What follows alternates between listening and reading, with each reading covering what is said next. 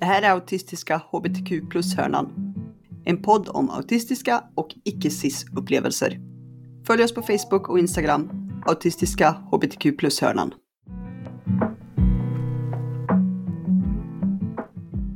Idag har vi Kim Lech som gäst.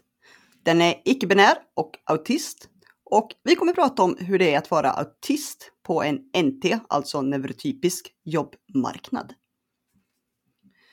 Så du har ju valt att starta eget efter att ha sökt både många jobb och jobbat på många olika arbetsplatser. Ja. Hur har den upplevelsen varit för dig? Som arbetssökande autist är det redan när jag har kollat på annonser som jag tycker att det eh, har varit svårt. Jag värderar tydlighet väldigt mycket för att få en överblick över exempelvis hur en arbetsdag ser ut eller vilken lön man ska få. Det är någonting som väldigt sällan skrivs ut i många arbetsannonser. Nu när jag har haft en utbildning, jag har en kandidatexamen, de här företagen som lägger ut dessa annonser som exempelvis eh, marknadsförare eller kulturproducenter, de har ofta ett hemligt eh, lönespann som eh, de vill att arbetssökande ska lägga sig emellan.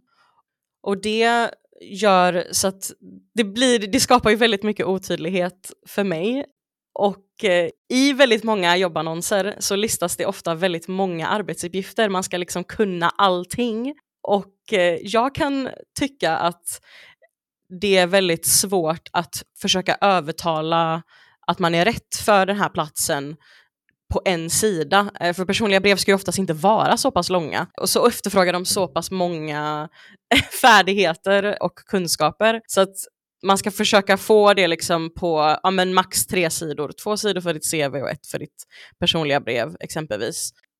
Det går bara väldigt mycket tankeverksamhet eh, och frustration åt att skala av hur jag skriver exempelvis och verkligen så här komma fram till kärnan av så här, vad säger den här meningen, hur mycket ska jag skala ner det så att jag kan få plats med mer på den här sidan men samtidigt liksom inte låta för desperat och alltså det ska vara liksom en specifik ton som man hela tiden, som jag behöver gissa mig till. Jag vill bara kunna skriva, även om jag skriver väldigt tekniskt och sen eh, låta liksom mina erfarenheter tala om vad jag kan och sen när de träffar mig så får de se min personlighet face to face istället för att jag ska försöka ja, förmedla den eh, via min ansökan. Och eh, jag vet inte om det här har att göra med att vara autist eller inte, det har antagligen det. Men det har varit särskilt svårt att komma från en utbildning direkt och försöka artikulera vad det är jag kan utan konkreta arbetsexempel. Även om jag vet att jag exempelvis ja, men läser en annons och säger så ja, men de här grejerna kan jag. Jag har ändå dabblat i väldigt mycket och gjort väldigt mycket små, små grejer som tillsammans kommer samman och skapar någon typ av erfarenhet som jag faktiskt kan livnära mig på. Det är bara så svårt att artikulera den här otroliga soppan av många, många konstiga erfarenheter som jag både har, det är liksom både så saker som jag gjort på fritiden men också saker som jag har jobbat med som jag vet att jag, att jag är kapabel till att göra men jättesvårt att så här, oh, vad ska man säga, sälja det i ett, uh, ett arbetssökarsammanhang. Och uh, det kräver eh, så pass mycket mer energi utav mig att det kanske blir liksom att det är det enda jobbet som jag söker den dagen för att jag behöver spendera ganska mycket tid på att skriva ett, ett personligt brev. Så det blir väldigt ofta som en så här het potatis, vilket vilken annons ska jag lägga tid på för att ansöka om? Kommer det vara värt min tid? Och eh, jag behöver ha bara mer pauser för att återhämta mig. För att hjärnan bara slutar att, fungera. Alltså det kommer liksom ingenting mer ur den. Jag har ju liksom sökt arbeten i väldigt många år. Ja, vad är det nu? kanske 15 år. så att man har ju liksom tränats och det är ju inte förrän nyligen som jag har insett att jag äh, är autist och att det är det här som har liksom fått mig att bland annat gå in i väggen vid ett tillfälle. Och när du får ett positivt svar på, på din ansökan, hur ser det ut sen när du väl blir kallad till, till intervjun och förberedelserna inför det? Det är väldigt mycket att jag skriptar före jag kommer dit. Jag har inga problem att tala inför folk och svara på frågor och sånt där, men om jag är förberedd. Jag måste veta vad det är jag ska prata om, vad det är jag ska säga och vad som kommer frågas. Och om jag inte vet vad som kommer frågas, då måste det vara någonting som jag är självsäker kunna prata om. Jag hade gärna velat att få intervjufrågor för en intervju. Jag har inte efterfrågat för att jag helt enkelt har tänkt att det är någonting som man liksom inte får fråga om. Det skulle ha en negativ effekt liksom på ens eh, ja, på deras eh, åsikt om en i intervjuprocessen. Men för mig så tror jag att det hade hjälpt otroligt mycket. Nu har jag spenderat väldigt mycket tid med att liksom läsa långa artiklar, du vet sådana här Buzzfeed-artiklar, liksom de hundra mest vanliga frågorna som kan ställas på en arbetsintervju och så här, går igenom allihopa och och försöker att tänka så här, vad är, det, vad är det mest rimliga att de kommer fråga mig och till och med så skriver ut bara en lång, lång radda med text som jag försöker att komma ihåg så gott jag kan och, och liksom memorera. Jag tycker det är väldigt viktigt fortfarande såklart att träffa folk som man eventuellt vill anställa. Och jag är en väldigt social person generellt.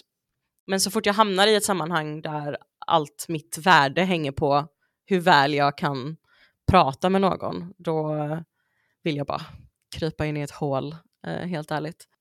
Jag tror att det är någonting som det är rek eh, rekryterares ansvar att se till så att de som kommer på en intervju till dem är bekväma med att genomföra den på ett sätt som passar dem helt enkelt. Alla alltså, människor kommunicerar olika, alla funkar inte på en intervju och det kan inte vara det enda sättet att avgöra om någon är bra för din arbetsplats eller inte. Vad jag försöker att säga är att det är en av väldigt många sätt att evaluera någon, om någon passar för en arbetsplats. Och jag tycker att det borde finnas mer variation och alternativ.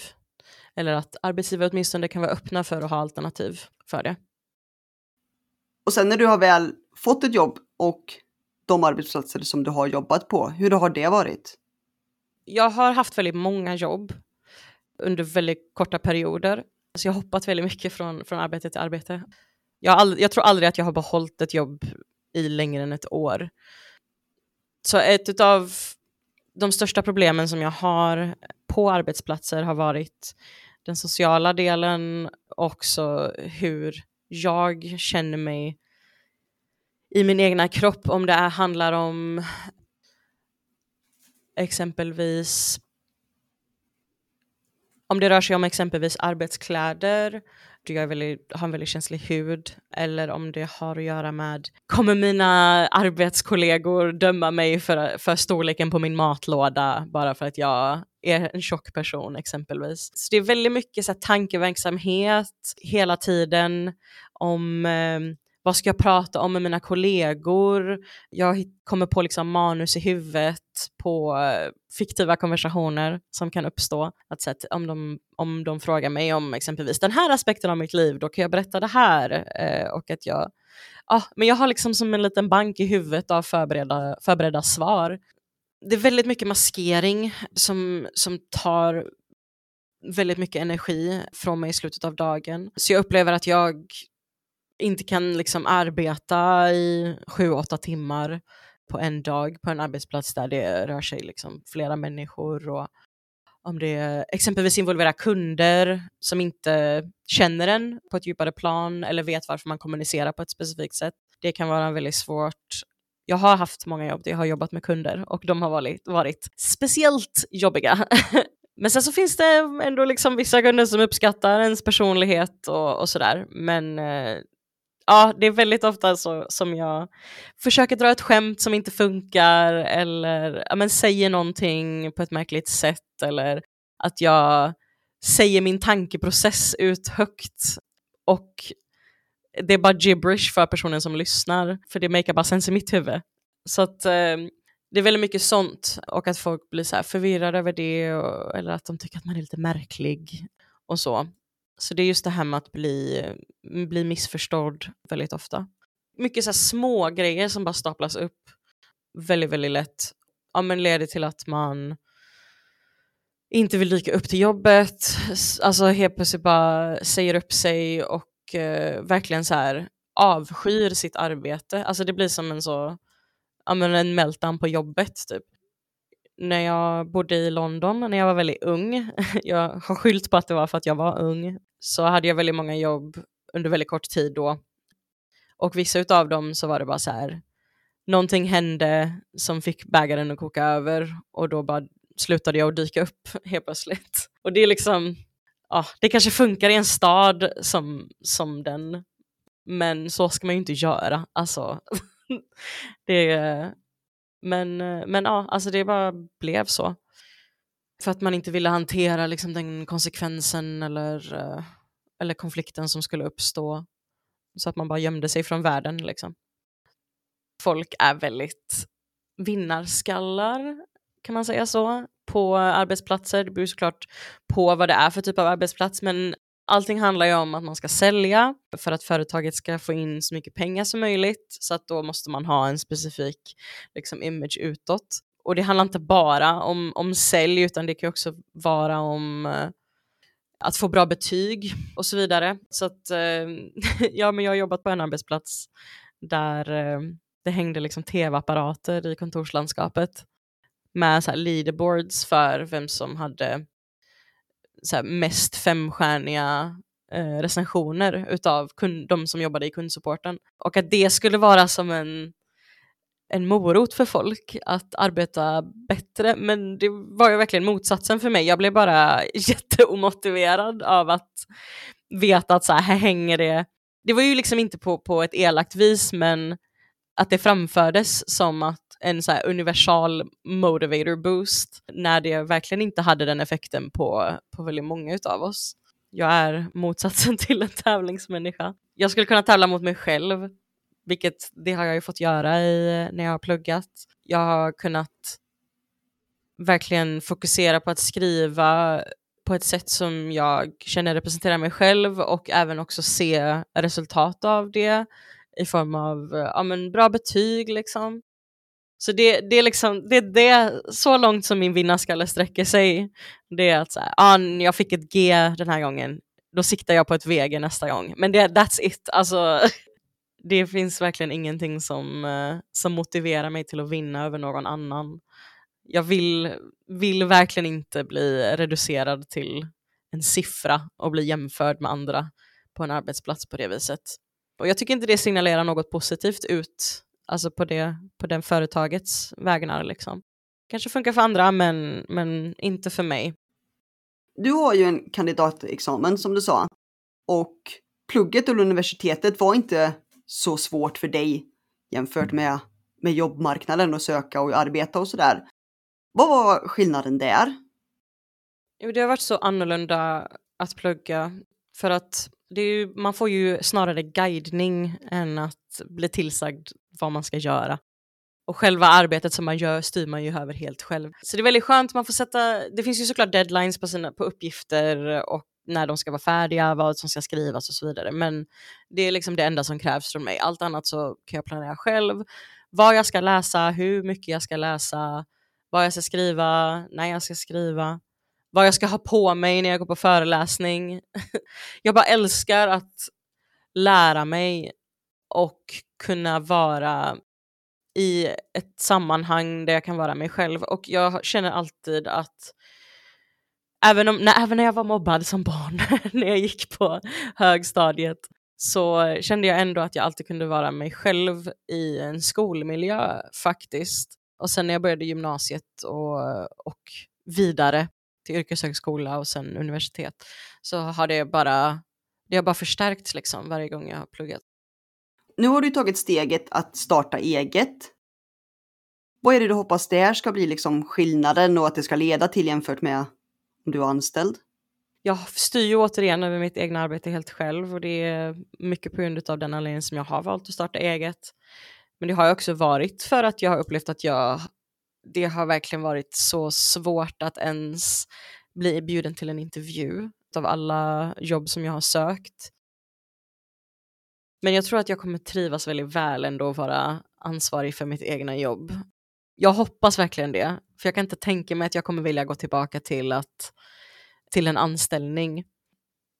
Så att jag bara här, ser fram emot att kliva in i den här entreprenörvärlden som jag nu liksom har en, en tå i just nu. Jag håller på så här step through the door just i detta nu. Ja, men jag ser fram emot det. Det kommer bli jätteskoj. Det kommer bli en ny, ett nytt kapitel, verkligen, i mitt liv. Avslutningsvis, har du några råd eller tips till arbetsgivare som, som kanske vill försöka vara mer inkluderande för sin arbetsplats och sin jobbprocess?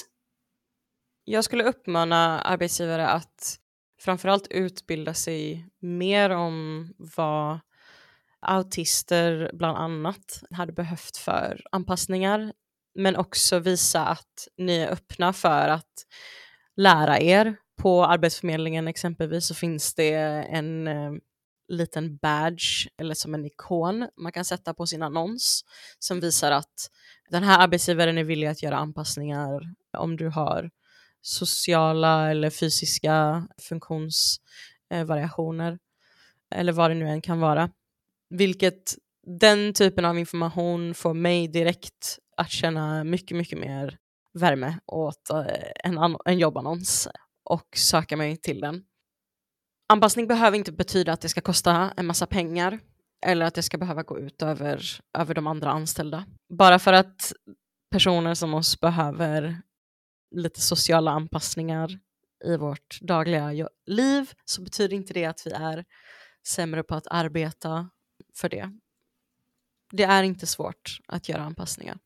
Man behöver bara vilja göra dem. Tack för att du lyssnade.